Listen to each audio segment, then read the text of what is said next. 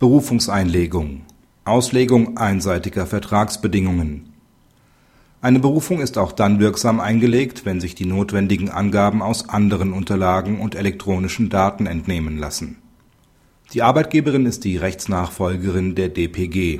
Auf das Arbeitsverhältnis mit dem Arbeitnehmer finden Kraft Bezugnahme die Tarifbestimmungen für die Beschäftigten der dpg, unter anderem die Regelungen über Beihilfen Anwendung nach seiner Zur-Ruhe-Setzung wird dem Arbeitnehmer mitgeteilt, dass seine Beihilfeansprüche gemäß den tariflichen Regelungen erhalten bleiben.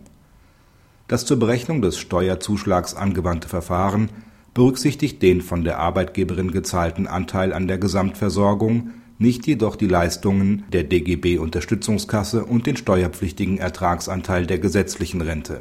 Dies führt den Arbeitnehmer zu Nachteilen bei der Jahressteuererklärung die sich auf die Fehlerhaftigkeit der Berechnung stützende Klage des Arbeitnehmers hat das Arbeitsgericht abgewiesen. Die anschließende Berufungseinlegung durch die Prozessbevollmächtigte enthielt weder Angaben zur Parteirolle noch dazu, wer vertreten wird.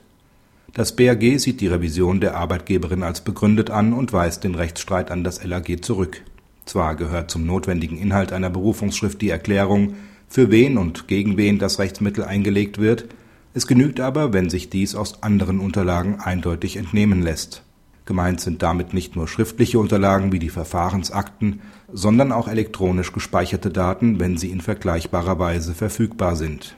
Dies ist bei einem einfach handhabbaren Geschäftsstellenprogramm, auf das die Richter wie auch die Geschäftsstellenmitarbeiter des LAG Zugriff haben, der Fall. In der Sache selbst könne sich ein Anspruch des Arbeitnehmers aus dem Mitteilungsschreiben der dpg ergeben.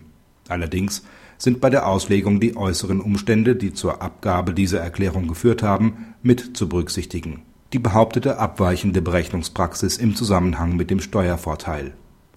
Das gilt unabhängig davon, ob es sich bei der Mitteilung anlässlich des Ruhestands um AGB oder eine Individualvereinbarung handelt. Praxishinweis bei der Rechtsmitteleinlegung ist trotz der fortschrittlichen Sichtweise des BAG weiterhin auf eine vollständige Wiedergabe aller erforderlichen Angaben zu achten.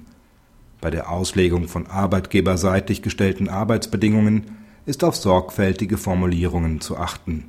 Das gilt gerade dann, wenn auf tarifliche Regelungen verwiesen wird, von denen in der Praxis aber abgewichen werden soll